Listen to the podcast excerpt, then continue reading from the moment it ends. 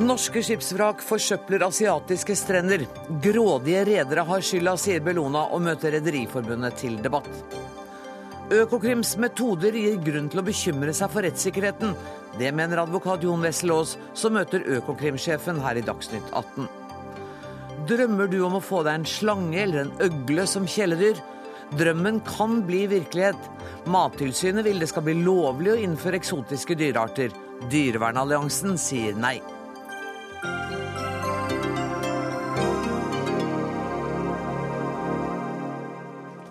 Dette er menyen i kveldens Dagsnytt 18, der vi også skal møte selveste trygdesjefen Thomas Seltzer. Men først. 37 norske skip ble i 2012 solgt til opphugging i India, Pakistan og Bangladesh. Norske myndigheter er svært kritiske til hvordan oppbyggingen skjer i disse landene. Og vi skal snart høre fra Miljøverndepartementet, men aller først. Sven Søyland, seniorrådgiver for energi- og klimaspørsmål ved Bellona. Under hvilke forhold er det norske skip hugges i disse landene? Nei, På strendene i Asia så eh, vet vi at arbeidere utsettes for miljøgifter. Eh, miljøet utsettes for miljøgifter. Eh, det er dødsfall og ulykker i hyppig omfang. Ehm, nå snakker vi om mange eh, operasjoner på flere steder, slik at det er jo variasjoner. Men eh, i det store og hele så kan ikke vi se at eh, opphugging av skip på strenda er forsvarlig. Kan du si noe om hvilket land som er verst utsatt? Er det Bangladesh? som Bangladesh vi har hørt? er det verste eksempelet, og det er også det best dokumenterte eksempelet. Det er der vi kjenner til at det har forekommet mye barnearbeid. Og det er også derfor at det har blitt rettet fokus strengt tatt på oppbygging av skip. Hva er grunnen til at uh, norske redere velger å uh, selge skipene sine til opphugging akkurat i disse landene? Nei, det er viktig å understreke at de har et valg. Uh, de kan velge å selge det til andre opphuggingsplasser som gjør det på andre måter, men da vil de få dårlig betalt for stålet. Så det er penger? Vi, vi snakker om penger.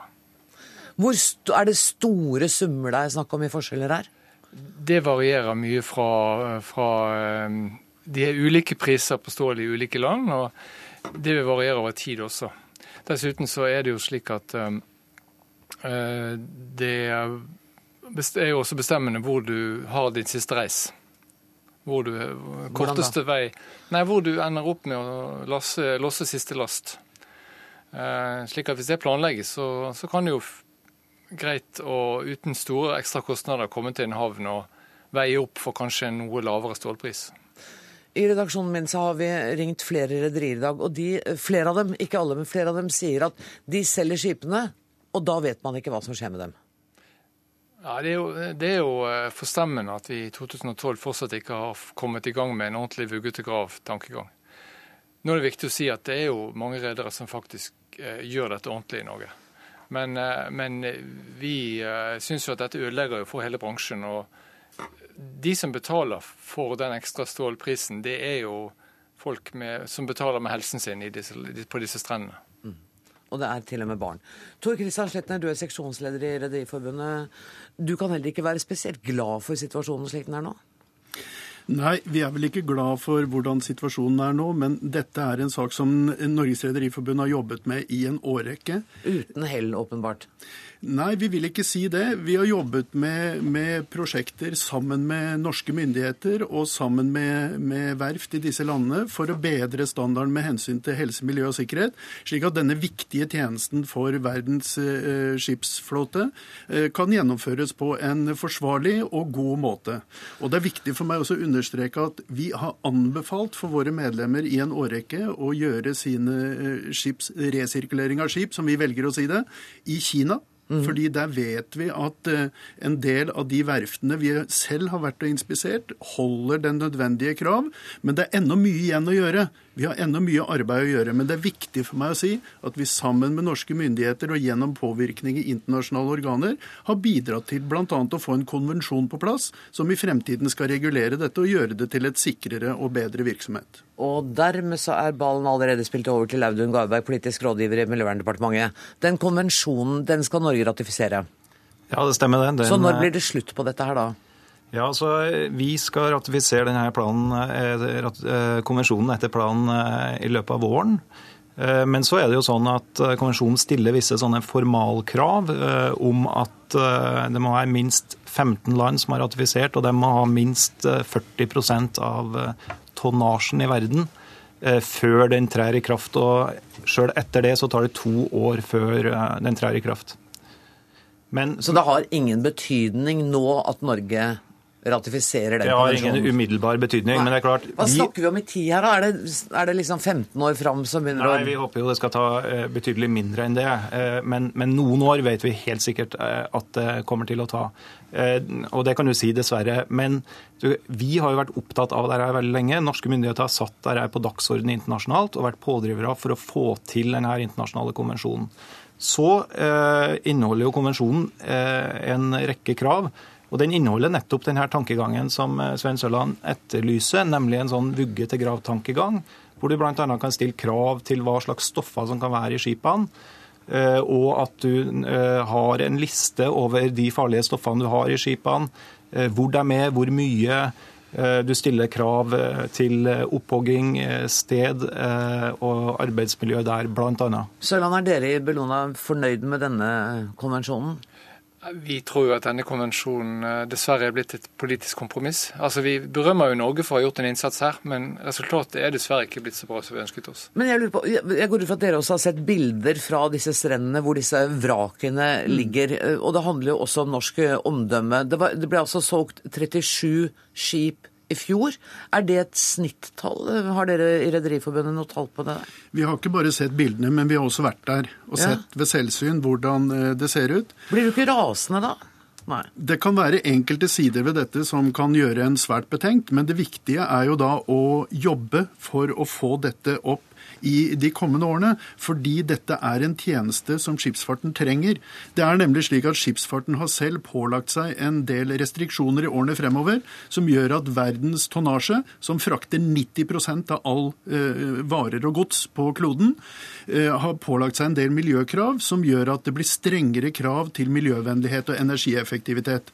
Det medfører at i årene fremover, når disse reguleringene trer i kraft, så går en del eldre tonnasje ut av drift, og det vil da måtte resirkuleres på en forsvarlig og god måte. Så det er i alles interesse, og ikke minst i skipsfartens egen interesse, at disse tjenestene blir eh, tilgjengelig på en så god måte som overhodet mulig. Men disse tjenestene er jo faktisk tilgjengelige i dag, f.eks.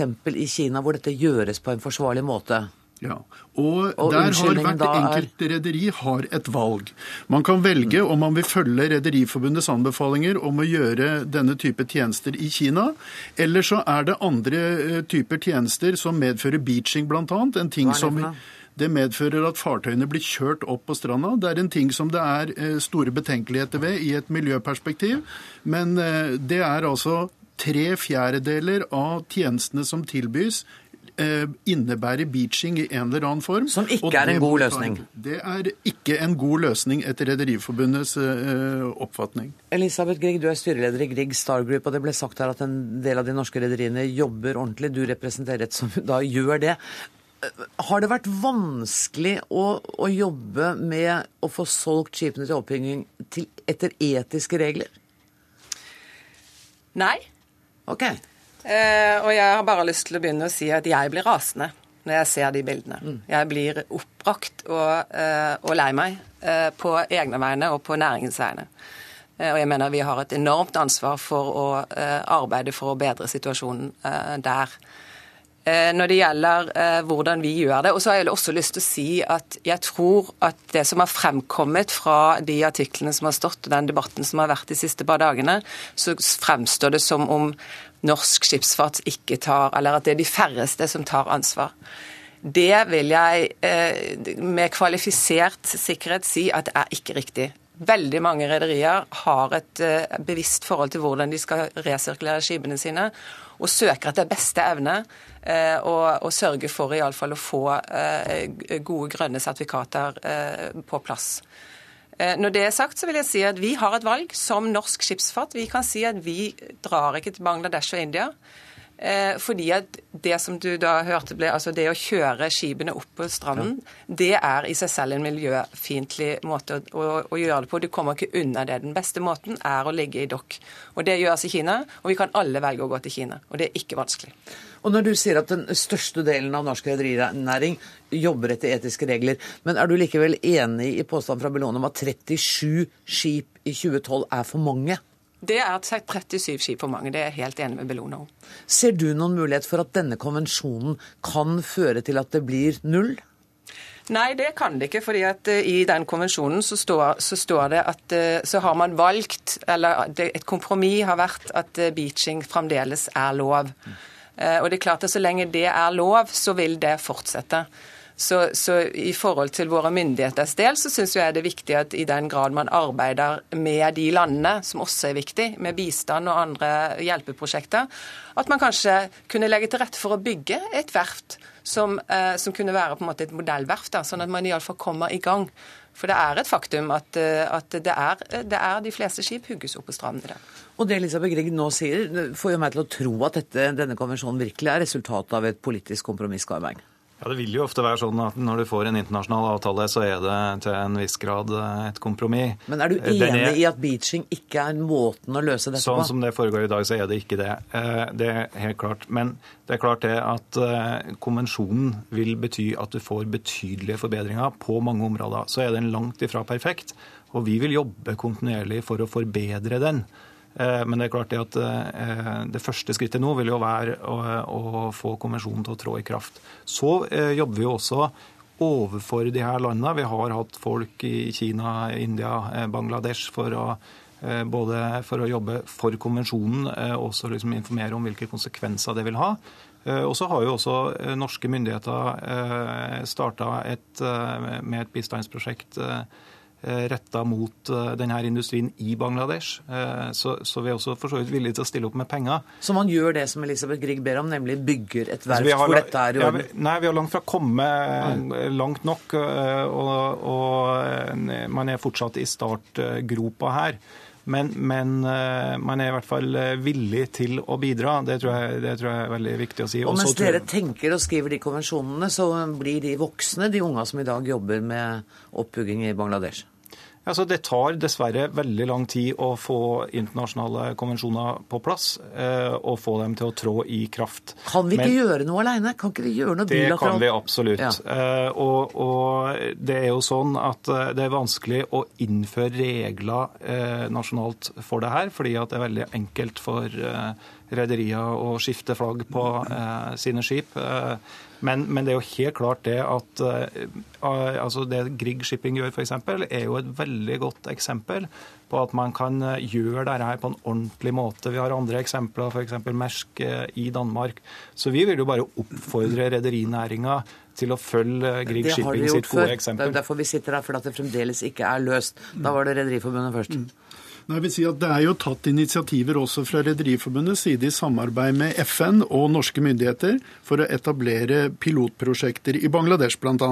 For å vise en, en, modell av hvordan et slikt verft kan fungere. Hvordan har det pilotprosjektet virket? da? Det har uh, gått over en hel del år, og det har noe med forebyggende tiltak å gjøre. Og det har noe med kravene på verftet å gjøre. Kravet til hvilken tilstand skipet skal være i når det leveres, uh, og, og hvordan dette skal foregå foregå på en helsesikkerhetsmessig forsvarlig måte. Søyland i Bellona, er dere fornøyd etter at dere hører det som har blitt sagt her nå? Nei, altså Det som jeg vil si om det Norad-prosjektet, det er at uh, vi mener det er kontraproduktivt. Oh ja. og, og mot er, sin hensikt, altså? Mot sin hensikt. Og det er fordi at det blir en legitimering av at beaching er OK. Og eh, vi ser det bl.a. hvis du går på hjemmesiden til verdens største skipsopphugger så refereres det til Norad-prosjektet som én grunn til at eh, Bangladesh er blitt vesentlig bedre. Det, det, det Lisbeth Grieg etterlyste, det var et modellverft. Ja. Ikke sykestuer, eh, ikke skoler. Vi skal, en, vi skal, ikke lage en, infrastruktur rundt disse dårlige verftene. Vi skal lage nye verft. Mm. Vi skal lage det ordentlig. Og det er, det, det er der jeg mener at det jeg mener jo at man kunne brukt bistandspenger på å lage et modellverft som sådan. Der er du helt enig med Elisabeth Grieg, og du Elisabeth, kommer til å få siste ordet. Vær så god. Tusen takk skal du ha. Nei, jeg bare har lyst til å si det at vi må være litt mer utålmodige, for det er årene går, og det er, det er ikke bra nok. Og vi, har, vi sier at vi er kvalitetsskipsfartsnasjon, og skal vi være det, så må vi være det i alle ledd, også når det gjelder siste reis til verft for oppbygging. Da håper jeg det er siste gang vi trenger å ha denne diskusjonen i Dagsnytt 18. Jeg er litt usikker. Tusen takk for at dere kom. Eh, Sven Søyland fra Bellona, Tor Christian Sletten fra Rederiforbundet, Audun Garberg fra Miljøverndepartementet og Elisabeth Grieg fra Grieg Star Group. Hør Dagsnytt 18 når du vil, på nettradio eller som podkast. nrk.no – dagsnytt 18.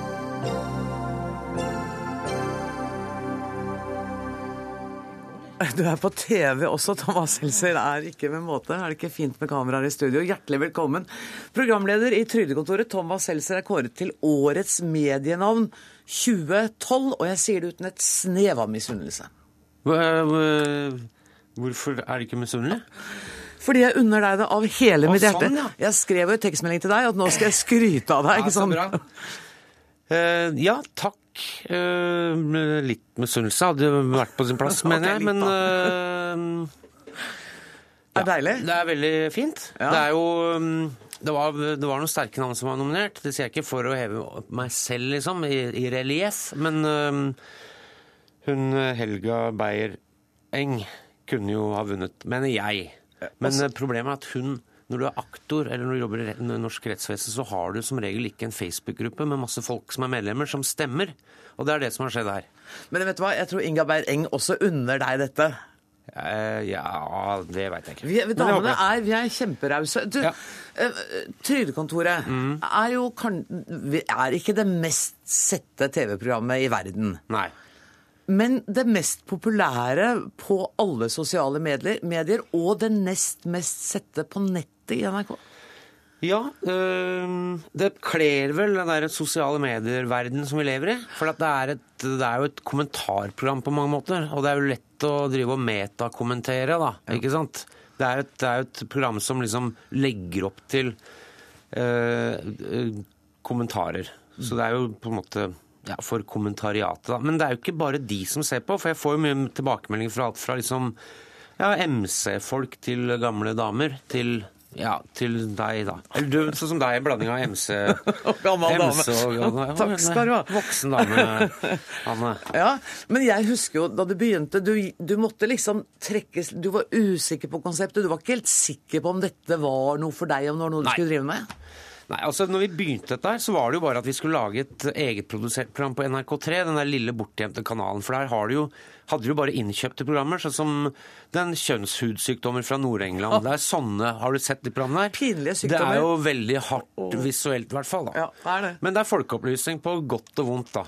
Ja, mye eh, og så lage, ble, bedt, ble, jeg bedt av um, vår daværende sjef Charles Halvorsen om, om jeg ville lage et program. Så tenkte jeg ok, kan vi ikke lage et debattprogram hvor man istedenfor at man prøver å komme til enighet og prøver å løse problemer, kanskje gjør det motsatte. da. Prøver å og da var det naturlig å kalle det Trygdekontoret. Så det har jo ikke noe med trygd å gjøre. Det er ikke noe kommentar til liksom stadig økende mengden av trygdede i Norge eller Nav eller noe som helst. Det er bare at det, det gamledagse Trygdekontoret, og sikkert også Nav, da, hvis jeg kan kommentere litt, da. det er jo et sted man kommer med noen problemer, og så drar du derfra med enda flere problemer. Eh, og det, og det, høres ut som en, bare en tulle, et tulleutgangspunkt. Det er jo litt glimt i øyet at man sier det der. Men det er fint å slippe å kunne dyrke enighet og konsensus og sånn. Mm. Og så er det også på et helt seriøst nivå så er det et godt utgangspunkt for å skape et litt større rom i offentligheten da, enn man kanskje har hatt tradisjonelt her i Norge. Mm. Og, og, og, du har jo en, en, spørrestil som avviker ganske mye fra de vanlige debattprogrammene. Du er veldig sjelden sånn konfronterende Eh, sånn som vi vanlige debattprogrammer er. Ja. Du er sånn åpen, lar folk komme med også litt vonde synspunkter. Ja, det syns jeg, jeg vi skal ta oss råd til. Um, dette her med at jeg er ikke enig med deg, men jeg vil forsvare retten. Altså litt sånn Voltaire eh, junior, da. Mm. Eh, det, sånn syns jeg det skal være. Og vi har hatt noen med litt sterke synspunkter i programmet, det er riktig, og det skal vi fortsette med. Er det noen temaer som du tenker kan være for vonde? Ja, altså nå er det jo, Vi måtte jo forklare Morgenbladet sist uke at vi er jo ikke et samfunnsprogram per def. Vi er faktisk underlagt humoravdelinga. Så det vi gjør, er at vi snakker jo om kanskje seriøse ting på litt humoristisk måte. Og da, da skal man jo passe seg litt. ikke sant? Det er jo ting som kanskje kan være Vi var jo f.eks. veldig usikre om vi skulle snakke om 22. juli i det hele tatt. Nå ble jo det et program uten noe særlig humor i det hele tatt. Det ble et veldig seriøst program, da.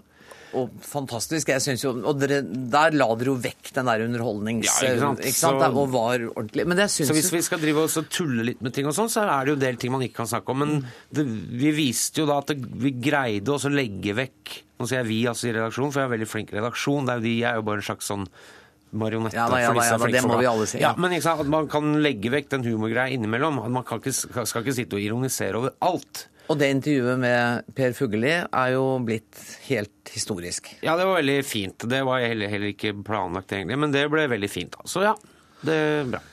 I begrunnelsen så står det at eh, Seltzer kommer til å høre mye fra i årene som kommer. Eh, For lyttere som ikke har fått det med seg, eh, så er det en fare for at han kan komme til å forsvinne fra NRK. Nei, altså, når man hører sånn Man kommer til å høre mye fra denne karen. Men det er jo som man sa om folk som var kanskje 25 før. Nå er jeg 43 år gammel. Og det, skal, det veit du kanskje du litt om, Anne. At det, før så het det jo Fram til du var 30, så het det Ung og lovende. Og etter 30 så het det Ja, nå har han kommet hjem. Ikke sant? Men det som er nå for tida, det er at det, før så het det Eller det som er nå, at fram til du er 40, så heter det Ung og lovende. Etter fylte 40, Anne Grosvold, så heter det Byoriginal.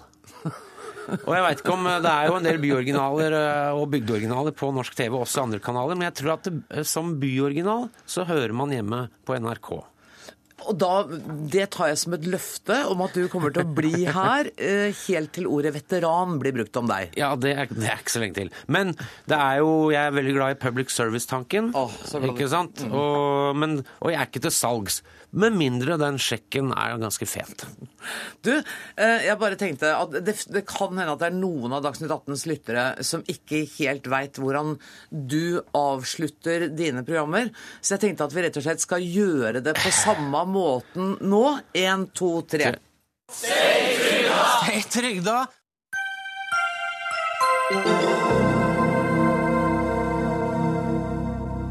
Og idet han går ut, så minner Thomas meg på at eh, Trygdekontoret går på NRK3 klokka 22.30 i kveld. 22.25. Han står til og med i døra og korrigerer meg 22.25. Da tar vi et temaskifte og et temposkifte. Økokrims adgang til å benytte seg av utradisjonelle etterforskningsmetoder er tema for den neste samtalen.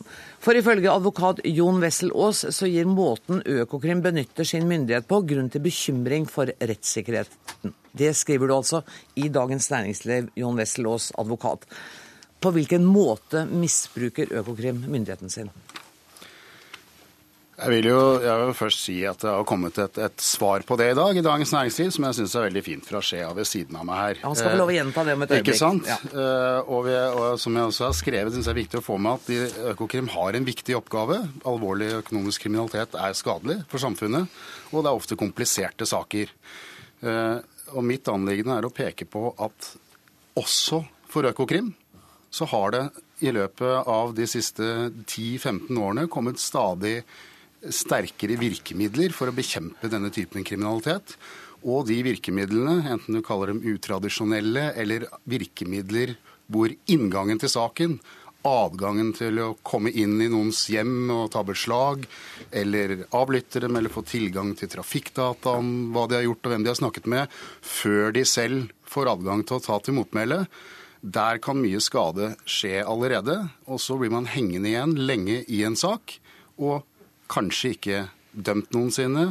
Kanskje eh, siktelser endres til noe langt mildere enn det utgangspunktet var.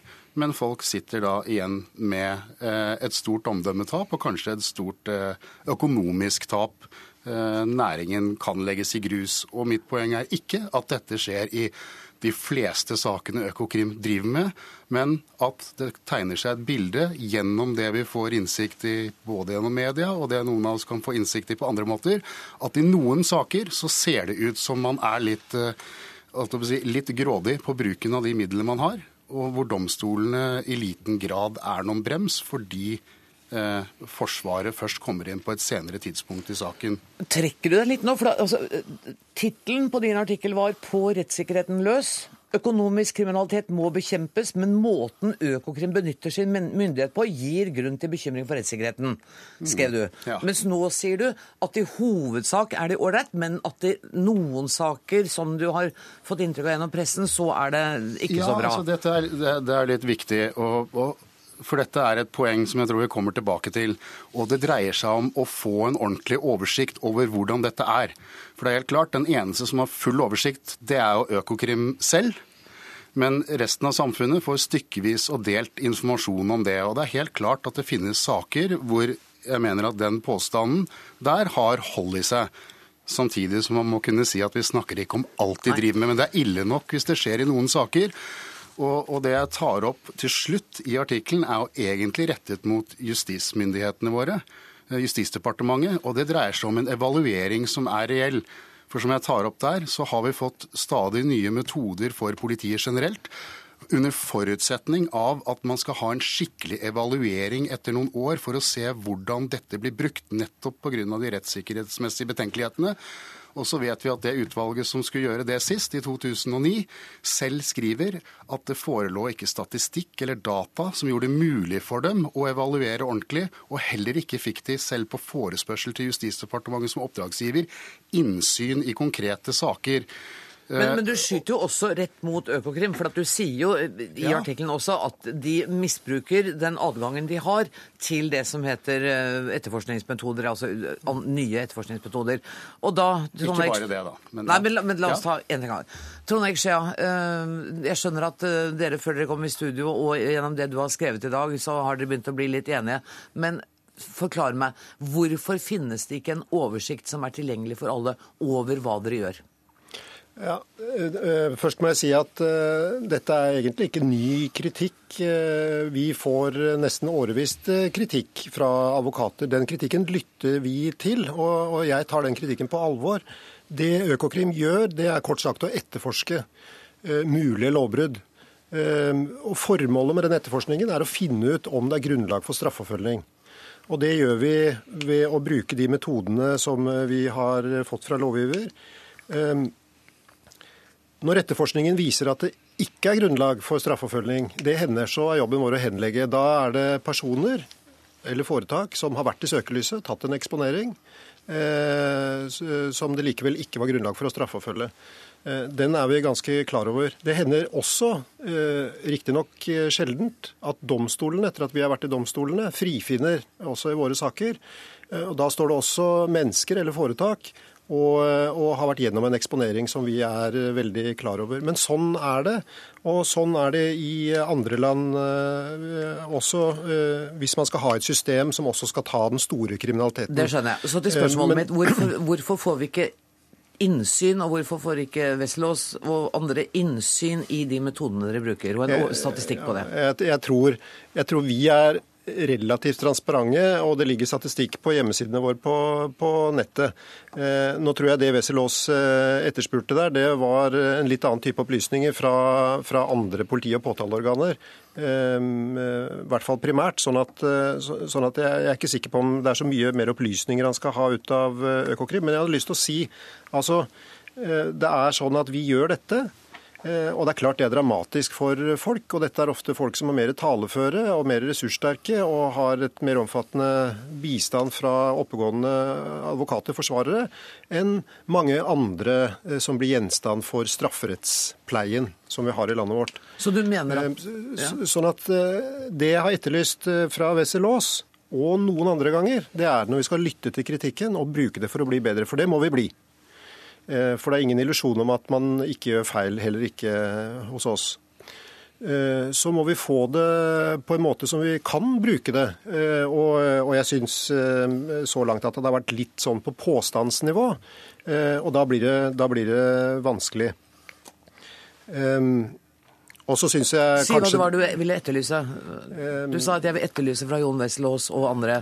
Hva, du vil ha eksempler? Ja, det- altså, Han sier eller skriver i Dagens Næringsliv at eh, her, er det en, eh, her er det tegn som tyder på en ukultur, og her er det en tegn som tyder på misbruk av hjemler. Um, og da sier jeg at eh, jeg har ikke helt sett det. Hjelp meg til å, å, til å få se det. Um, Hjelp oss. Nå, ja, altså, da, da har vi også snakket sammen om at å diskutere enkeltsaker For det første får man ikke mye tid til det her, og det er problematisk av og til for begge to, særlig for dem Det som har skjønner taushetsplikt. Men en type enkeltsaker kan ja, du det, Bare for å gi et eksempel og grunnen til at det er viktig med Økokrim, altså ikke bare at vi har dem, men de har veldig mye ressurser til å angripe denne typen kriminalitet. Det som skiller dem fra f.eks. andre, la oss si når du, når du får en ransakingsbeslutning, da, eh, før siktede har fått lov å ta til motmæle osv. Eh, Hvis du er på jakt etter om det er heroin i en leilighet, da går du inn, det er veldig konkret, og enten finner du det, eller så gjør du ikke. I deres saker så vil det typisk, når det gjelder økonomi, og veldig komplekse forhold, så vil det ofte dreie seg i utgangspunktet om beslag av veldig, veldig mye informasjon. Som man sitter på. Og det jeg snakker om som er misbruk, som for så vidt er lovlig, og det er derfor jeg snakker om evalueringer, det er når en siktelse etter et alvorlig forhold ender om med- et stort beslag, og så finner man kanskje ikke grunnlag for den alvorlige siktelsen som samfunnet hører om osv. Og, og det er for så vidt ikke deres ansvar, sånn er det, og dere i media er med på det. Så ender det kanskje da i noen saker, og det gjør det jo av og til opp med at man finner noe annet som er, kall det mer en teknisk forseelse, regnskapsmessig eller noe sånt, som er noe helt annet. Det er ikke ulovlig, men jeg syns at da blir det et misbruk av systemet, ikke nødvendigvis fra Økokrim alene, men det systemet vi tillater, når du kan gå inn så bredt som man gjør i de sakene, og ende opp med så lite som i statistikken da ofte vil fremstå som at man fikk en domfellelse, men for noe, noe som det aldri hadde vært et oppslag om i media, hvis det var det som var utgangspunktet for saken. Og det er du enig i, Skea? Uh, ja, på sett og vis uh, syns jeg det er spennende. Uh, et eksempel, uh, markedsmanipulering eller innsidehandel, det er ganske komplisert. Og Skal man overhodet tenke seg å, å straffeforfølge det, så må man erfaringsmessig eh, sikre mye bevis. og Da blir det store informasjonsmengder. Eh, jeg kan eh, nevne en eh, sak hvor man er ute på en ransaking på mistanke. og Da er det altså en domstol som har besluttet den. Det er skjellig grunn til mistanke om, om, eh, om eh, innsidehandel. Eh, Og der, på denne ransakingen, hvor man altså tar beslag i denne relativt store informasjonsmengden, som jeg er helt enig med Wessel Aas i at det er, eh, så finner man grov barnepornografi. Eh, Det tar man med, og det blir det straffesak eh, av. Så da får du altså markedsmisbruk og, og barnepornografi. Men misbruk er det ikke, og de eksemplene på at man går ut med, med, med mistanke om grov eh, skattesvindel og ender opp med et lite forelegg for et eh, lite regnskapsforhold, eh, de eh, finner du forsvinnende lite av eh, i, i Økokrim i 2013. Men her er jeg nødt til å sette strek der. Dere må fortsette diskusjonen og kanskje bli enige når dere kommer ut igjen. Tusen takk for at dere kom, Jon Wessel Aas advokat og Trond Eik Skjea, sjef for Økokrim.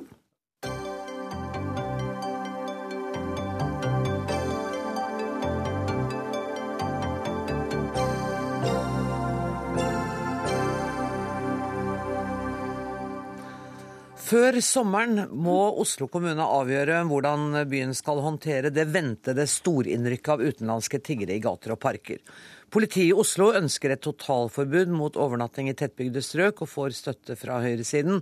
Og mandag sto varaordfører i Oslo Libe Ribermoen fram i Dagsavisen og ønsket meldeplikt for tiggere. Utspillet fra Ribermoen fikk deg til å se rødt. Marianne Borgen, gruppeleder for SV i bystyret i Oslo. Hvorfor er det så gærent at tiggere skal registrere seg? Det er, dette er ikke en kamp om registrering eller ikke registrering. Dette er en kamp om et menneskesyn. Fordi når Arbeiderpartiets fremste representant i Oslo bare bruker såkalte kriminalpolitiske virkemidler som registrering, som det å eventuelt også ha tiggefrie soner, slik Arbeiderpartiet har foreslått, så møter man altså et alvorlig fattigdomsproblem med rene politi- og justismidler. Og det er det som jeg reagerer på, nettopp fordi Arbeiderpartiet og SV tilhører en historisk tradisjon hvor vi nettopp har vært opptatt av menneskeverd, menneskerettigheter og det å hjelpe og bistå folk som er i en nødstilt og vanskelig situasjon. Men har du en løsning på dette problemet, da? Det fins ikke noe fiksfaksløsning på dette. Det er krevende problemstillinger. Vi har foreslått i Oslo bystyre en rekke det man kaller for sosialpolitiske tiltak, som stort sett har blitt stemt ned også av Arbeiderpartiet, som handler om å møte disse menneskene med respekt, som handler om å gi dem en mulighet for å gå på do, gi dem mulighet for å få en dusj og vaske klærne sine, og kanskje også ha en madrass å sove på. I tillegg har vi foreslått at Oslo kommune også tar eh, aktivt initiativ til et større internasjonalt samarbeid for å løse dette. Husk på, Vi snakker altså om Europas forfulgte. Det er 10-12 millioner mennesker i Europa som tilhører romfolket, som systematisk diskrimineres, trakasseres, og som jages som vilt fra by til by, land til land.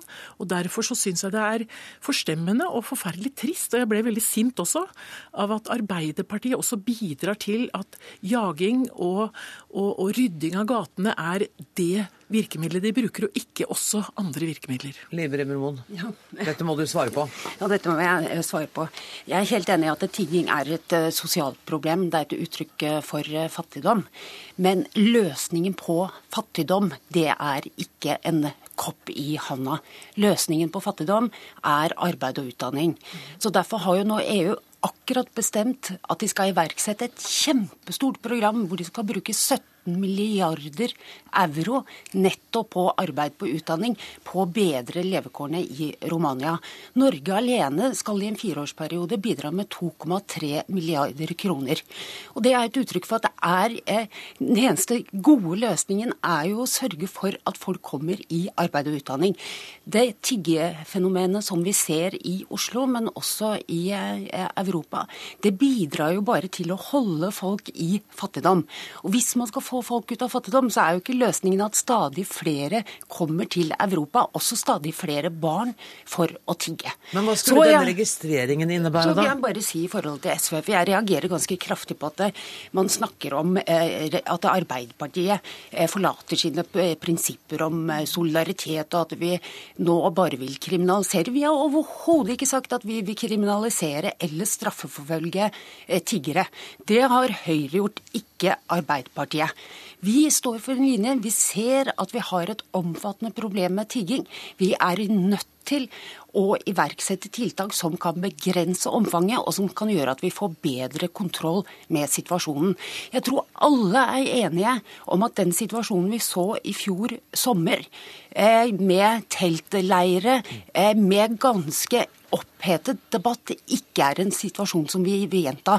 Da prøver Arbeiderpartiet å være konstruktive og tenke er det da forslag som kan bidra til at vi får kontroll med situasjonen, og at vi også får til tiltak som gjør det mindre lønnsomt å tigge i denne byen her. Det var en lang tale, men hva vil den registreringen innebære? Registreringen den innebærer at man for å få lov til å samle inn penger i Oslo, må registrere seg hos politiet. For det første så tror vi det kan ha en preventiv effekt.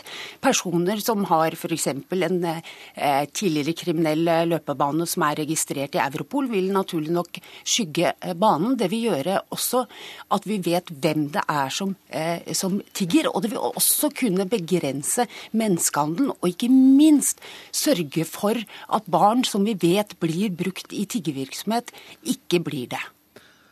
Marianne Borgen, det, Man kan altså hindre at kriminelle kommer hit og tigger ved å innføre den type registrering. Det, jo, det er du jo enig i at det ville vært bra? Jo, men det er jo ikke det vi er uenige om. Eh, det kan godt være at det å registrere kan ha noen effekt, okay. men, men, men ikke aleine.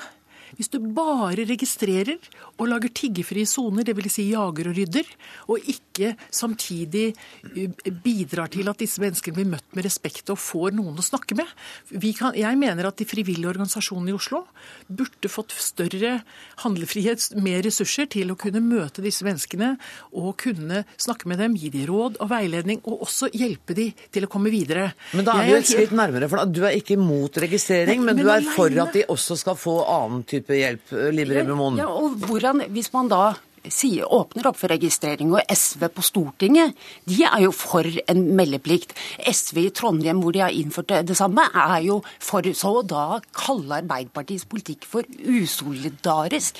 Det henger jo ikke Vet greit. hva, eh, Nå skal jeg be dere ta på dere hodetelefonene, for vi skal snakke med politiadvokat eh, Arne Fjelstad, som var eh, prosjektansvarlig for gateaktivitetsprosjektet som innebar at Bergen innførte meldeplikt for alle aktiviteter på gata i 2010.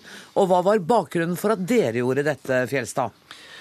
Ja, vi hadde jo, fikk jo en stor, stor tilstrømning i 2008-2009 av eh, bl.a. tiggere. Og det ble veldig synlig i, i Bergen by. Bergen sentrum er ikke så veldig stor. Og vi fikk en del henvendelser fra publikum om at disse, spesielt tiggerne, opptrådte eh, relativt pågående. Stilte seg foran og sperret veien for det gående publikum. Og så, hvordan har dere vært etterpå? Da ville politimesteren gjøre noe med dette, og i, fra 1.1.2010 så har vi hatt en meldeplikt i Bergen hvor alle, og da snakker vi ikke bare om tiggere, vi snakker også om de som eh, driver vanlig opptreden, vi driver, snakker om de som har innsamling, eh, tigging og også salg. Alle de må komme til politiet i Bergen og melde seg med navn og bilde før de, før de kan eh, opptre eller samle inn eller tigge, hva som måtte være. Har dere opplevd en bedring i Bergen som resultat av dette? Ja, det spørs jo hvordan du definerer bedring. Fra politiets side, tenkte jeg nå. Ja, vi har, eh, vi har eh, mye færre klager fra publikum. Det er det ikke noe tvil om. Vi har mye færre um, hva skal jeg si, mye færre henvendelser fra publikum knyttet til utrygghet mm. i forhold til Og da snakker vi spesielt om tiggerne. Mm. Eh, Marianne Borgen, du hører at det går altså an hvis man gjør dette til et generell meldepliktsystem. Og det må en jo gjøre, ellers vil en jo bryte norsk lov. Eh, Men det som jeg merker meg, er at eh, det sies fra Bergen at det er mindre klager fra publikum. Det som ville vært interessant, var å høre om det er faktisk blitt en forbedring av situasjonen for disse fattige menneskene i Bergen. Nå er det jo også slik at Oslo ser annerledes ut enn Bergen.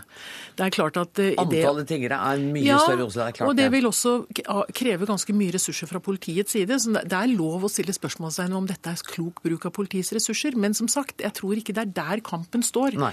Kampen står om, de, om det skal brukes mer penger, bl.a. til de frivillige organisasjonene, for å ta seg om det. Og Liv Rebimon, du vil ikke det? Nei, jeg tror det er en en dårlig løsning eh, på eh, fattigdomsproblemet. Det er bare en løsning, og det er arbeid og utdanning.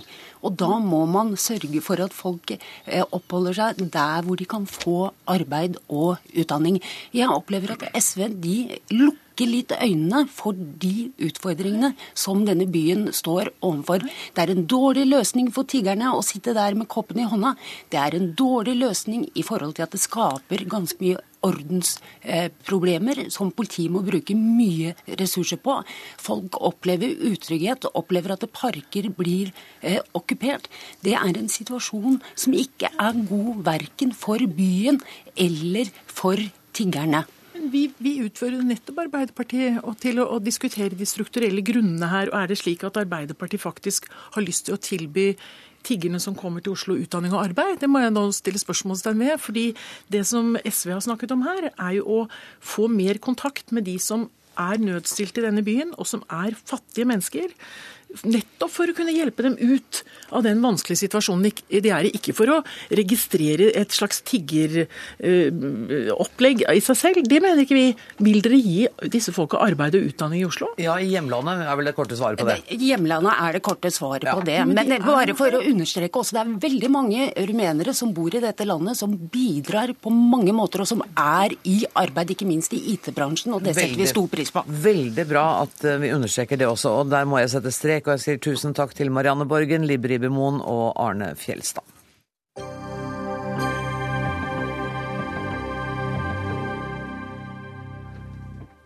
Nord-Korea raser mot FN-sanksjoner etter atomprøvesprengninger, men samtidig så ønsker landet samtaler med USA. Og nå forbereder trolig Kim Jong-un en ny prøveskyting. Seniorforsker ved NUPI, Sverre Lodgaard. Går det an å si at Nord-Korea sender litt doble signaler for tida? de samme signalene som de har sendt mange ganger før. Og altså doble? Ja, det kan du si. Mønsteret er i hvert fall det samme. Nord-Korea skyter opp en rakett, plasserer en satellitt i verdensrommet. Sikkerhetsrådet reagerer med nye sanksjoner, hvorpå nordkoreanerne går i taket og bruker dette som begrunnelse for å foreta en ny atomtest. Én eller to. Det er sprengt to-tre tunneler inn i det aktuelle fjellmassivet. Og så ønsker jo eh, ledelsen i Nord-Korea samtidig å komme i dialog med USA. Eh, det har jo ikke, har ikke vært stor interesse fra USAs side for noen samtaler? Nei, Obama har jo ligget lavt i sin første presidentperiode. Og jeg tror nok nordkoreanerne nå prøver å røske litt i ham, få ham på banen igjen, få i stand nye samtaler. Og det er jo der det doble signalet ligger. Eh, de kommer antagelig til å gjennomføre som jeg sa, flere tester, atomtester. Og Så blir det negative reaksjoner på det. Og så føler altså USA og en del andre at det ikke er riktig å belønne dårlig oppførsel med å si ja til nye samtaler. Men vet vi nå at Nord-Korea kan anrike uran, f.eks.? Ja, det, det, vet vi. De bygde et anlegg i, i atombyen Yongbyon i løpet av ett år. Og Det betyr at de må ha drevet med dette lenge. For ellers hadde de ikke vært i stand til å gjøre det så raskt i, i Yongbyon. Så ett uh, spørsmål som man stiller seg nå, er jo om eh, de nye atomtestene også vil omfatte testing av en, uh, av en uranbombe. Men det som er viktigst for dem, det er jo å redusere vekta på atomladningene. Slik ja. at de kan få plass i en rakett, for det er da først de har et våpen. Og, Og det klarer de ikke enda? Der er de ikke enda. Nei. Jeg leste artikkelen din med stor interesse, hvor du sier at det ser ut til også at uh, det er færre nordkoreanere som dør av sult nå, enn det har vært tidligere. Uh, og at man har åpnet for visse markedstekniske løsninger som innebærer at det er noen frihandelsområder mm. mot Kina. Er det, ser vi en sped begynnelse av en endring her? Ja, det er eh, flere ting som er i bevegelse. Eh, I 2011 så økte handelen med Kina med 60% drøyt. 200 kinesiske selskaper investerer i Nord-Korea. Flere nordkoreanere eh, får lisens for å drive handel og forretninger. Og enda flere henger seg på for en høvelig penge, dvs. Si gjennom korrupsjon. Det etableres flere frihandelssoner mot, mot Kina. Ikke slik at dette betyr et gjennombrudd verken for markedsøkonomi eller vekst. Men eh, det er, en, det er en bevegelse. Og så tenker jeg at eh, hvis Kim Jong-un, den unge, eh, kan legitimere seg og konsolidere sin posisjon få mer tillit hos de militære. Gjennom vellykkede rakettester og, og, atomtester så greier han kanskje å føre denne reformprosessen litt, litt videre. Jeg tror vi skal se på sammenhengene, eh, og det er riktig å stille spørsmålet, men vi kjenner ikke svaret. Henrik Stålane Him, eh, du er eh, forsker ved Senter for asiatiske sikkerhetsstudier. Nord-Korea har jo vært en liten belastning for Kina også i det siste, kan man si? Det har de helt uh, klart uh, vært. Frustrasjonen over Nord-Korea og provokasjonene fra Pyongyang har uh, vært ganske sterk den siste tiden. Samtidig så er dette en vanskelig sak for kineserne å håndtere. Kineserne ønsker ikke å presse regimet i Nord-Korea for hardt. Nettopp fordi de er redde for at regimet skal kollapse. Eh, og at man eventuelt skal få et gjenforent eh, gjenforent Korea, muligens med amerikanske styrker tett opp til eh, For det ville Kina oppleve som en trussel, ikke sant? Det ville ikke vært et heldig utfall sett fra Beijing. Men samtidig så, så, har det jo vært vanskelig for Kina å være det ene landet som skal stå igjen på barrikadene med dette ekstremt lukkede samfunnet Nord-Korea. Ja, det er eh, et eh, vanskelig regime å håndtere. Eh, Kina understreker veldig ofte at de har begrenset innflytelse over Nord-Korea. USA og andre land i regionen prøver ofte å få kineserne til å legge større press på Pyongyang. Men samtidig så er det nettopp svakheten til regimet i, i, i Nord-Korea som gjør at de er i stand til å motstå kinesisk press. Kineserne eh, tør ikke å, å, å presse for, for, mye, nettopp eh, pga. redselen for at da detter eh, korthuset sammen. Men, og Beijing ønsker seg også samtaler. De ønsker seg vel samtaler i Beijing eh, mellom eh, topplederne. Hvor realistisk er det nå, da? Nå i den situasjonen, Med den anspente situasjonen eh, man har nå, så eh, er det ingenting som tyder på at eh, man kan ta opp seksfartsforhandlingene med det, med det første. Men det er klart at man har sett uventede gjennombrudd tidligere. Det kan tenkes at man at man kan klare å, å presse Nord-Korea tilbake til forhandlingsbordet. Men, men, akkurat nå så er det ingenting som, som, som tyder på at man står overfor et umiddelbart gjennombrudd.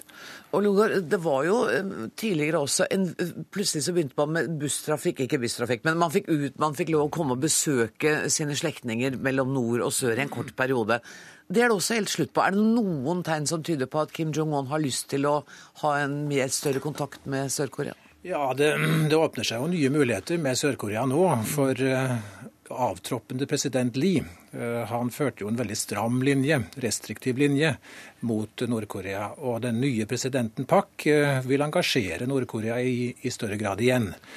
så det er en av de faktorene som, som forandrer seg og som eh, gjør at eh, samtaler, når røyken har lagt seg etter disse testene, eh, kanskje kommer i, stand igjen. Men Japan er fortsatt gjenstridig. Og så avhenger jo dette også av, av USA. Jeg tror nordkoreanerne, som før, gjerne vil ha nye samtaler, primært med amerikanerne. Mm. Og så er det kineserne, da, som vil ha samtalene til Beijing. Ja, Og, og de vil gjerne ha amerikanerne, de. Og hvor mye forholdet mellom USA og Kina er jo også Det er jo ikke kjempevarmt og nært for tida? Nei, det har eh, vært anstrengt eh, en, eh, en stund. Nord-Korea er et av de temaene som er med på å komplisere forholdet mellom Kina og USA. Og, og nettopp fordi da USA ønsker en, en, et mer aktivt engasjement fra Beijing, fra 2009 ca. Så, så, har eh, Kinas vilje til å, til å legge press på Nord-Korea vært eh, noe redusert. Eh, kineserne har ført en mer aktiv engasjementspolitikk i og for seg overfor, ovenfor Nord-Korea. Noe som har hatt negativ innflytelse på forholdet Kina-USA. Det var så langt vi kom eh, i denne utgaven av Dagsnytt 18. Dette er et tema jeg garanterer at vi kommer tilbake til, men dere skal ha takk foreløpig, Sverre Lodgaard og Henrik Ståle Hanehim.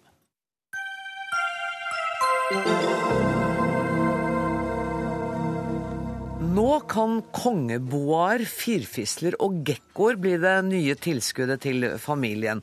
Forbudet mot reptiler i norske hjem bør nemlig oppheves. Det mener dere i Mattilsynet, Torunn Knevelsrud, seksjonssjef for dyrevelferd og fiskehelse. Ja. Hvorfor det? Realiteten er jo at vi har et over 35 år gammelt forbud som ikke blir respektert. Sånn at uh, det fins eh, et sted mellom 85 000 og 150 000 av disse dyrene i Norge i dag. Så mange? Ja, det, det, er jo ikke noe man så lett kan telle, men anslag ut fra salg av fôr og utstyr og spørreundersøkelser tilsier at det er det antallet. Og da mener vi at det er uhensiktsmessig å ha et sånt forbud, fordi disse dyrene da lever si, i det skjulte. Og vi mener at det er uheldig av hensyn til dyrevelferden bl.a. Men du, det er jo et litt pussig prinsipp å ha at så mange bryter loven, så da endrer vi loven og så lar vi alt det de gærne de gjør, bli legalt. Tenk deg det anvendt på andre områder. Det vil jo være helt skandale, det. Ja, Det er jeg ikke så helt sikker på. Hvis det ikke har legalitet hos folk, at man har et eh, forbud, så bør man se på om det forbudet er riktig. Og heller se om man skal eh, regulere det på en annen måte. Hva er grunnen til at dere nå anbefaler å legalisere innførsel av denne type dyr? Er det hensynet til de dyrene som allerede er her, og som dere er bekymra for? Eller er det hensynet til fireåringen som ønsker seg en skilpadde? Nei, Det er jo hensyn til de dyrene som vi har her i dag. Eh, for sånn som det er, så vil jo folk f.eks. kvie seg til å gå til veterinær hvis de trenger eh, noe veterinærtilsyn. Og det er veldig lite kunnskap om disse dyrene hos norske veterinærer fordi det ikke er en relevant dyregruppe å behandle. Eh, og det er også Smuglingen som foregår, foregår jo på veldig dårlige måter. altså Transporten blir ikke håndtert på en dyrevelferdsmessig forsvarlig måte ved transport. Så det er mange ulemper for dyrene sånn som det er i dag. Og likevel, Live Kleveland, informasjonsansvarlig i Dyrevernalliansen, så er dere skeptiske, eller for å si det mildt, dere er rett og slett imot en eh, legalisering av innførsel av disse dyrene? Ja, vi må huske på at eh, det opprinnelige forbudet mot hold av krypdyr i Norge, det ble gitt av hensyn til dyrene. Og det er fordi dette er eh, dyr som ikke er skapt til å leve i et lite glassbur i en norsk stue. Eh, de er skapt til å leve i naturen. De er ikke temmede dyr, slik som f.eks. hunder eller katter er. Men de, det er jo 180, kanskje opp mot 180 000 av disse dyra i Norge allerede, da? Vi vet at det er eh, mange ulovlige dyr, uten at vi vet nøyaktig hvor mange. Men det vi også vet, er at det er ikke like mange eiere av disse dyra som det er dyr. Eh, de som har slike dyr, viser en tendens til å ha mange. Eh, de har rett og slett samlinger av eh, slike reptiler. Eh, og derfor er anslaget rundt 1000 personer i Norge som da holder illegalt slanger, øgler og andre reptiler. Er det et tall dere også forholder til? At 1000 mennesker har til sammen 180, borti 180 000 dyr? Vi, vi har ikke noe sånt tall å forholde til, men jeg syns ikke det høres rimelig ut i forhold til de beslagene som blir gjort hvert år. Matsynet tar hånd om en 200 dyr i året, så vi syns ikke det høres ut som et rimelig tall. Men vi har ikke noe bakgrunn for å si hva som er et riktig tall. Men er det ikke riktig at disse dyrene er jo faktisk ikke egnet til å leve i vårt klima, og de er ville? Det er ikke hunder og katter vi snakker om? Eh, nei, men de skal jo heller ikke leve ute i vårt klima. De lever jo innendørs. og... Eh, etter oppfatning, vår oppfatning så er svært mange av de som har disse dyrene, de er genuint interesserte i det ut fra et biologisk eh, eh, ståsted og kan mye om dyrene. Vi foreslår jo heller ikke et frislipp. Vi foreslår en begrenset antall arter som er grundig vurdert ut fra risikoen til dyrevelferd, og som er av arter som da er relativt enkle å holde, så du ikke behøver være noen spesialist for å holde dem på en god måte. Nei, f.eks. kongeboer, firfisler og gekkoer. Kan du gi noe eksempel på dyr som eh, folk har lyst til å innføre som du ikke får lov til å ta igjen? Det er jo tusenvis av arter her. Ja, men Er det noe som er mer populært enn annet? Eh, vi tror vel at de mest populære artene faktisk også er de artene som er lettest å holde. Mm. Eh, så vi, vil, vi, tror at ved å eh, åpne for ca. 20 arter, så vil man favne en veldig stor del av det som finnes her i dag. Og Vil det da føre til at det kommer veldig mange flere av disse artene inn, tror du? Eller, eller er det sånn at interessen for å ha firfisler hjemme ikke er så kjempestor? Ja, det er jo selvfølgelig veldig vanskelig å si noe om det, men vi får legge til grunn at uh, Norge og Island faktisk er de eneste landene her i vårt område av verden som har et slikt forbud. Mm. Uh, så vi har jo ikke noen grunn til å tro at det blir noe veldig mye verre tilstander enn i Sverige f.eks. Live Kleveland, dere i Dyrevernalliansen har også vært ute i avisene, eller på nettavisene i hvert fall, og sagt at det er også en fare for salmonella-forgiftning og død forbundet med dette? Eh, jeg sitter her med to brosjyrer fra eh, helsemyndigheter i USA og helsemyndigheter i England. Eh, og de brosjyrene handler om reptiler og advarsler til publikum om salmonellasmitte fra disse dyrene. Advarslene retter seg særlig mot personer med nedsatt immunforsvar, f.eks. personer med diabetes eller hiv. Eh, mot gravide kvinner som risikerer abort, eh, og mot eh, foreldre med småbarn. Men hvor utsatt vil befolkningen være hvis, hvis jeg ikke sjøl er i kontakt med disse dyrene? Ja, Det som er problemet, er at salmonellasmitten kan sitte på f.eks. bordflater eller benker i opptil mange måneder. Eh, og lar seg heller ikke alltid fjerne med bare vann og såpe. Eh, så det er en smitte som kan være vanskelig å få bort. Eh, og i USA så regner man med at et sted mellom 6% og 14% av salmonella-tilfellene hvert år, de kommer fra reptiler. Har dere i Mattilsynet ikke tenkt på det? Jo, det har vi tenkt på, og det har vi også da bl.a. bedt Vitenskapskomiteen å vurdere. Eh, jeg tror det er veldig vanskelig å sammenligne situasjonen i USA med situasjonen i Norge. Eh, vi har en god overvåkning av salmonellaforekomsten i Norge fordi det er en meldepliktig sykdom. Eh, og det er registrert mellom 1600 og 2000 tilfeller av salmonella hos mennesker i Norge per år i dag. Og Det meste av dette er smitte fra utlandet, og resten er i veldig stor grad kjent smitte fra matvarer. Og Vi okay. har altså disse 100 000 dyrene her i dag allerede, så vi ser ikke den store forskjellen selv om det ble tillatt. Der ble det punktum satt for den uh, saken der. Takk til Live Kleveland fra Dyrevernalliansen og Torunn Knevelsrud i Mattilsynet. Dermed er hele Dagsnytt 18 slutt for i dag. Ansvarlig for denne sendinga var Dag Dørum. Det tekniske ansvaret har Lisbeth Sellreite. Jeg heter Anne Grosvold. Takk for nå.